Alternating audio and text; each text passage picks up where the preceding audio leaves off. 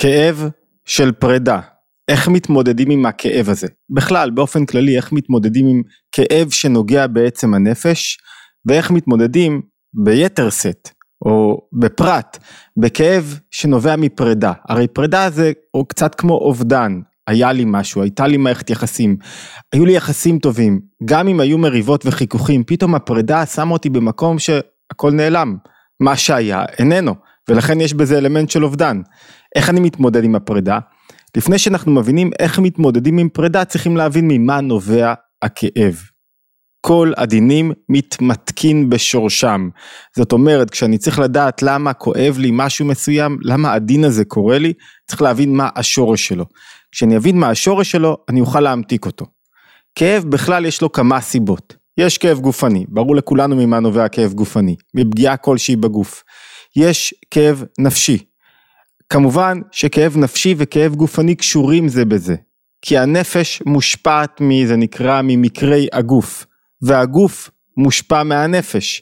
כשאני לא מרגיש טוב מבחינה נפשית, ודאי שזה משפיע עליי גופנית. ולהפך, כשגופנית, הגוף הוא לא כלי מספיק איכותי כדי להכיל את אור הנפש, ודאי שאני לא מרגיש טוב.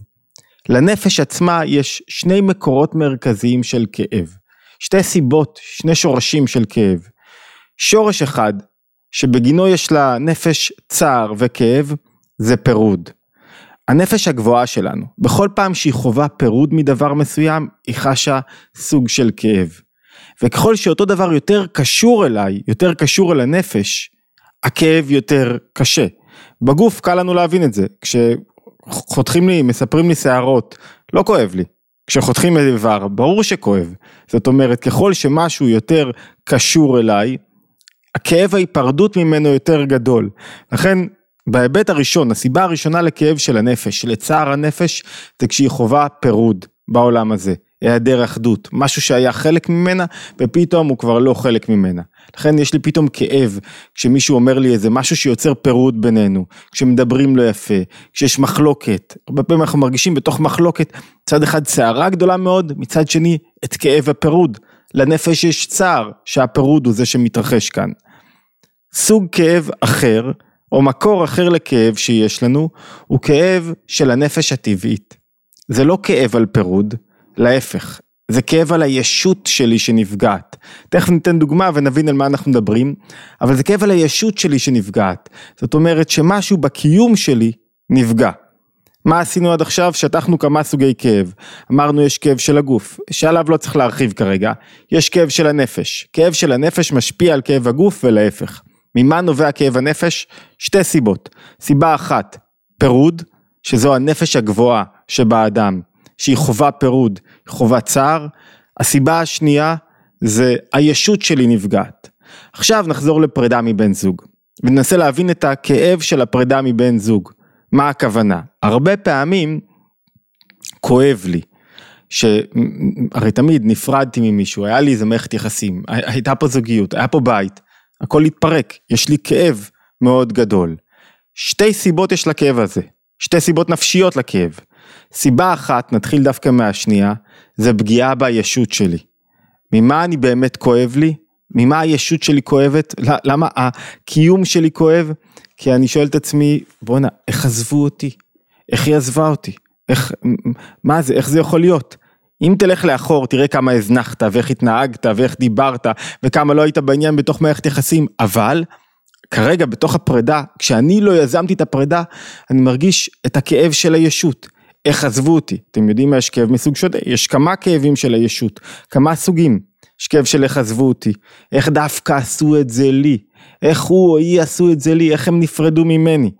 יש כאב של הלקאה עצמית, איך לא השקעתי, איך לא ראיתי, איך פספסתי, איך לא החזקתי את מערכת יחסים הזאת, איך הייתי מרוכז בעצמי, איך נתתי למידות הלא רצויות שלי להשתלט ולהתפשט כאן, איך, איך, איך לא השקעתי במה שהיה צריך להשקיע. אז אמרנו, יש כאב של הישות, והכאב של הישות יכול לבוא לידי ביטוי בכמה מובנים, זאת אומרת, יש לו כמה יבלות שאם דורכים עליהם הכאב הזה מתפרץ ונוגע בעצם הישות. אחד למשל אמרנו, איך עזבו אותי? אני פה העניין. בת הזוג, יכול להיות שבכלל לא באמת אהבתי אותה. עכשיו כשהיא עזבה אותי, אז אני חושב כמה אהבתי אותה וכמה פספסתי אותה, ואיך העז עליי לאהוב אותי, אבל זה בכלל לא נוגע אליה. זאת אומרת, יש לי פגיעה, צער, קריסה של הנפש, כאבים, שנתיים ייקח לי מגיל 25 עד גיל 27 להתרומם מעל זה, ושום דבר לא באמת קשור לבת הזוג. הכל קשור לאיך עזבו אותי, איך אני לא הייתי בסדר, איך לא עמדתי בציפיות, היו לי ציפיות של איך החיים צריכים להיראות, ופספסתי אותם. איך אני פספסתי את איך החיים צריכים להיראות. אתם יודעים מה, יש עוד סוגי כאב של הישות. איך אני אסתדר מכאן ועתה? חרדה, מה יהיה? איך זה הולך להיראות? אני, קשה לי להתמודד עם שינויים. מהדברים הפשוטים של אה, איך נסתדר כלכלית, לעד הדברים המופשטים. לא יודע, איך אני אחיה לבד? מה, מה אני אעשה מעכשיו כשנפרדתי בגיל 40? לא יודע. זאת אומרת, הישות כאן היא העיקר, היא כואבת. כי כל הזמן היא שואלת מה יהיה איתי, איך לקחו לי, איך עזבו אותי, איך פגעו בי, איך אני אתמודד עם חוסר אמון מעכשיו. או שאני, יש עוד סוגי כאב, אנחנו מונים רק סוגי כאב של הישות. קנאה, איך בן הזוג עכשיו הוא שמח ומצליח ועושה ואני במקום שלי. קנאה או, או סדרה של רגשות לא רצויים, זאת אומרת, יש כאב שהוא כאב דומיננטי בפרידה, שהוא לא נוגע בכלל לבן הזוג. הוא כאב של הישות, שמרגישה שהיא משהו, הופכים אותה למרמס. היא לא מקבלת את מה שהיא צריכה. אני מאבד את הקיום שלי, אני לא מספיק טוב, לא הייתי מספיק טוב, פספסתי הזדמנות, הכל סביבי, שום דבר לא באמת סביב בן הזוג. למה חשוב להבין אם זה הכאב? כדי שנדע איך לפתור אותו, כדי שנדע איך להמתיק אותו. יש כאב מסוג שונה, שגם לו יש סוגים שונים, שהוא הכאב על הפירוד. זאת אומרת, היה פה משהו שלם. זוגיות היא מידה מסוימת של שלמות. הפירוק מכאיב. הוא נוגע בעצם הנפש שלי, לקחתי שתי נפשות שהיו אחד, ועכשיו הפרדתי ביניהם, יש לזה המון השלכות יומיומיות, ילדים, בית וכולי וכולי. אבל בעצם כואב לי על הפרידה בעצם הנפש, עם הכל אני אתמודד. כאילו איבדתי משהו שהיה חלק ממני. חווינו ביחד לידות, צמיחה, קשיים כלכליים, התרוממות, קניית בית, מה לא. ועכשיו זה התפרק, יש לזה אפילו ביטוי גופני לאחדות הזאת, לאחדות יש ביטוי גופני וכשאני מפריד גם הביטוי הגופני בעצם ניתק ונפרד. אז יש לנו, מה היה לנו עד עכשיו? השאלה הגדולה שלנו, איך מתמודדים עם כאב של פרידה. ואמרנו צריכים להבין קודם כל את הכאב עצמו, מאיפה הוא נובע. וחילקנו לשני סוגי כאב מרכזיים, כאב של הישות, שרובו סביבי, וכאב של הנפש על ידי, מכך שנהיה פתאום פירוד בתוך מציאות חיי. משהו שהיה חלק ממני, הוא כבר לא חלק ממני. ואם אותו משהו לא היה חשוב לי, כמו שיער הראש, אז גם לא אכפת לי מהפרידה. אבל בגלל שהוא היה חשוב לי כל כך, אז הפרידה כואבת. וכאן באמת, בן הזוג הוא משמעותי, כי נפרדתי מבן זוג, שהיה יותר מאשר אה, עינב או יעל או, או דנה. היה משהו שהוא היה חלק ממני. שחווינו ביחד דברים, שעשינו ביחד, שהנשמות שלנו התחברו, ויש בזה צער גדול לנפש, צער גדול שהולך לאורך זמן וקשה מאוד להפיג אותו. שני הכאבים יש בהם צער גבוה לנפש, כאב הישות, שאז אתה הולך המון זמן עם איך זה קרה לי, ואני לא בסדר, ואני לא טוב מספיק, והצער השני של פירקתי אחדות בתוך העולם. הנפש הגבוהה הרי יש לה מטרה למצוא את האחדות בעולם, לגלות את אותה אחדות. חלק מהחיים הזוגיים זה גילוי האחדות בתוך העולם, לכן זה דבר כל כך חשוב. כשהאחדות הזאת מתפרקת, מתפרמת, זה כאילו הנפש נכשלה. לא עשתה את המוטל עליה, ככה היא חשה, היא איבדה משהו בתוך המציאות. טוב, אז איך מתמודדים עם שני סוגי הכאב הללו, רק נזכיר למי שמצטרף אלינו עכשיו, להירשם מומלץ מאוד, אם אתם עוקבים אחרי הסרטונים, להירשם לערוץ התבוננות או לערוץ שבו אתם מאזינים, לשתף, אתם לא יודעים למי חשוב הסרטון הזה, וכמובן כדאי תמיד להצטרף לקבוצות הוואטסאפ שלנו, שבהם אנחנו מעדכנים על שיעורים, על אה, אה, סדרות, קורסים, זום וכולי, עכשיו אנחנו בתוך קורס בזום שנקרא מבוא למבנה הנפש, קורס מאוד חשוב, יסודי, מי שרוצה אפשר עדיין להצטרף, אה, סדרה של עשרה מפגשים בזום, כל הפרטים יש לכם בלינק באתר התבוננות. אוקיי, מה עושים? איך מתמודדים? בקצרה, כדי לתפוס את הנקודה. כשהכאב נובע בעיקר מהישות, אולי צריך להגיד פה גם נקודה מסוימת, שזה לא או-או, הרבה פעמים אני חווה, חווה את שני סוגי הכאב בו זמנית. יש לי כאב על משהו ש, שנפרד, שהתנתק ממני, ויש לי כאב של הישות. שיכלתי לצמצם אותו, אם אני הייתי נפרד, הכאב של הישות היה יותר קטן. הכאב של הישות, של האגו שלי כל כך, כי רצו להיפרד ממני הרבה פעמים. כי אני לא הייתי בסדר, כי המציאות שדמיינתי מגיל 17 איך שהחיים שלי ייראו פתאום התנפצה לרסיסים, כי אני עכשיו מפשל, זאת אומרת אני יכול להקטין את הכאב הזה, אבל שני סוגי הכאב מתערבבים להם ביניהם, אנחנו עושים הפרדה דיכוטומית, הם קיימים שניהם בו זמנית לפעמים בתוכי, אבל יש אחד כאב שהוא יותר דומיננטי. בואו נבין איך אנחנו מתמודדים עם שני סוגי הכאב בדרך כלל. כשנוגעים בכאב של הישות, מסלול העבודה המרכזי, האתגר המרכזי שלנו הוא לשקם את הישות, לשקם את האני שלי, להחזיר אותו למצב שבו האני כבר לא כל כך פגוע ממה שקרה. איך אני משקם את האני? יש כמה דרכים. דרך אחת, לחפש את האני, את הישות שלי, את הקיומיות שלי במקום אחר. זאת אומרת, נכון, נכשלתי פה בזוגיות, אני משקיע בעבודה, אני משקיע בזוגיות אחרת, אני משקיע בדברים אחרים שחשובים לי. דרך אחרת היא מה? שאני לא נותן לישות כל כך לתפוס מקום מעתה. איך אני לא נותן לישות כל כך לתפוס מקום? אני דווקא מבין שמתוך הזוגיות, זה לא יכול להיות, מתוך הזוגיות אני לומד משהו על עצמי. מה אני למד על עצמי? אני למד על עצמי שדווקא פה אני יכול להתפתח עכשיו. אני יכול להיות בן אדם טוב יותר, בן זוג טוב יותר, שהמשימות שלי, השליחות שלי, החיים שלי יותר חשובים מאשר מה אמרו לי, איך פגעו בי, מאשר להיות אזוק בעבר. זאת אומרת, דרך לשקם את הישות זה לא להיות תלוי בישות. לא לתת לישות לשלוט בי. לא לתת לישות להיות כל כך דומיננטית מעתה והלאה. ואם אני מקטין אותה מעתה והלאה, גם אחורה היא פחות תכאיב לי, תכאיב לי, פחות תפגע בי. זאת אומרת, ברגע שאני מצליח להקטין את הישות שלי, על ידי זה שאני מגביר יותר תודעת שליחות, מגביר יותר את מה התפקיד שלי בעולם ולא מה אני רוצה לקבל מן העולם, אז ממילא הישות פחות פגיעה. היא פחות פגיעה לעתיד, והיא פחות פגיעה לעבר, כי אני פחות עסוק בעצמי. הדרך השלישית להתגבר על כאב, המסלול השלישי נוגע דווקא לנפש הגבוהה יותר, הנפש האלוקית, והיא עוזרת לנו גם להתגבר על הכאב של הישות עצמה. למה? כי אמרנו ששני הכאבים הללו לא באמת נפרדים. זאת אומרת, יש לנו גם את הכאב הזה וגם את הכאב הזה, לפעמים יש כאב אחד יותר דומיננטי.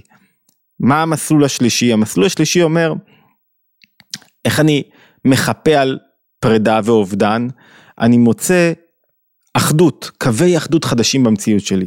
מה זאת אומרת קווי אחדות חדשים במציאות שלי? שאני מוצא ששום דבר לא סתם. אני לומד את הרעיון שהכל מדויק לי, שיש לי השגחה מדויקת. זאת אומרת, אם היינו צריכים להיפרד, נפרדנו, ומכאן והלאה אני יכול ללמוד הרבה דברים, אני יכול להתפתח. זאת אומרת, עצם זה שאני מוצא סיבה וטעם לפירוד, ומכאן אני מתפתח מהפירוד, אני אומר קרה אני לא בוכה על העבר, אלא אני שואל איך אני מנצל את העבר כדי לצמוח יותר בעתיד. כדי שתהיה לי מערכת יחסים טובה יותר, כדי שאני אשפיע יותר, כדי שאני אהיה פחות עסוק בעצמי ובישות שלי, כדי שאני פחות ילקה את עצמי ויותר אראה את בן הזוג שלי, כדי שאני אדע להשקיע יותר בזוגיות. השקעה בזוגיות משקעה, משמעה השקעה בחיים. השקעה בחיים משמעה להתפתח, לחיות יותר.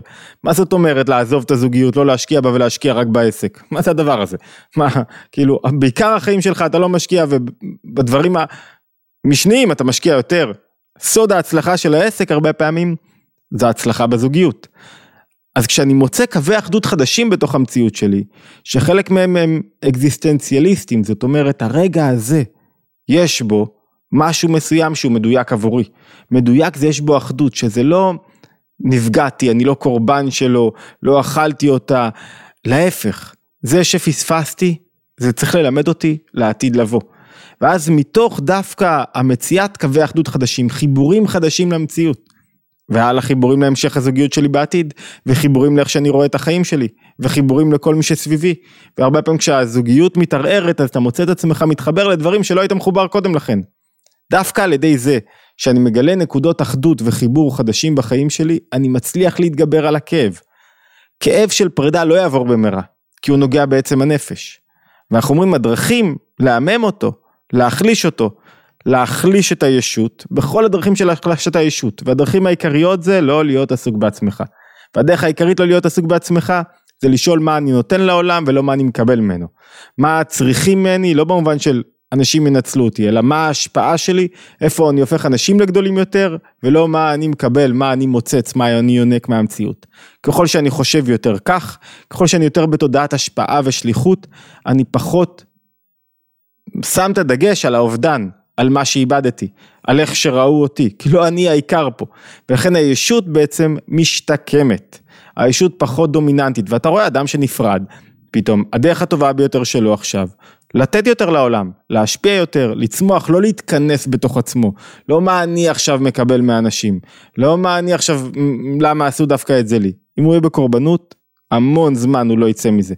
להפך, מה אני יכול לתת יותר, ואז הוא גם משתפר, וכשהוא רואה גם אחדות במה שהוא עושה, אחדות במובן של לא פירוד, במובן שבכל דבר יש תוכן ומשמעות וערך, ממילא, אז הכאב הולך ומצטמצם.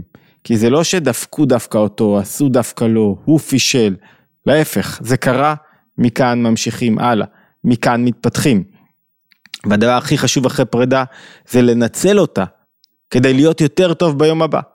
כמו באובדן, כשאנחנו מאבדים מישהו, המס... המסקנה המרכזית צריכה להיות, איך אנחנו חיים יותר, איך אנחנו מתפתחים, איך אנחנו מנצלים יותר את החיים, ולא איך אנחנו מתאבלים יותר, איך יותר קשה לנו. קשה, לא מטשטשים את הזיכרון, אבל איך אנחנו צומחים ומצמיחים את זה, כי זה האתגר המרכזי. זה גם האתגר המרכזי אחרי פרידה, לצמוח, להתפתח, להבין את מקור הכאב. כאב הוא בעצם סוג של איתות של הגוף.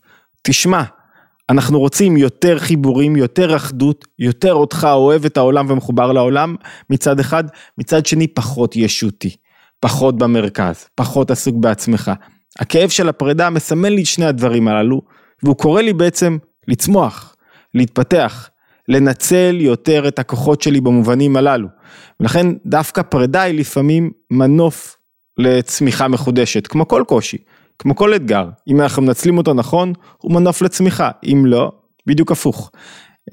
התבוננות יומית מוזמנים להצטרף כמו שאמרתי מקודם להתבוננות היומית על ידי זה שלוחצים על ה subscribe על המנויים לערוץ ומקבלים התראות מאוד חשוב לנו שתהיו חלק מהמסלול הזה וכמובן אפשר להירשם לקבוצות הוואטסאפ אה, ואם בא לכם לשתף ולייק מוזמנים תמיד להשתמע בהתבוננות היומית הבאה.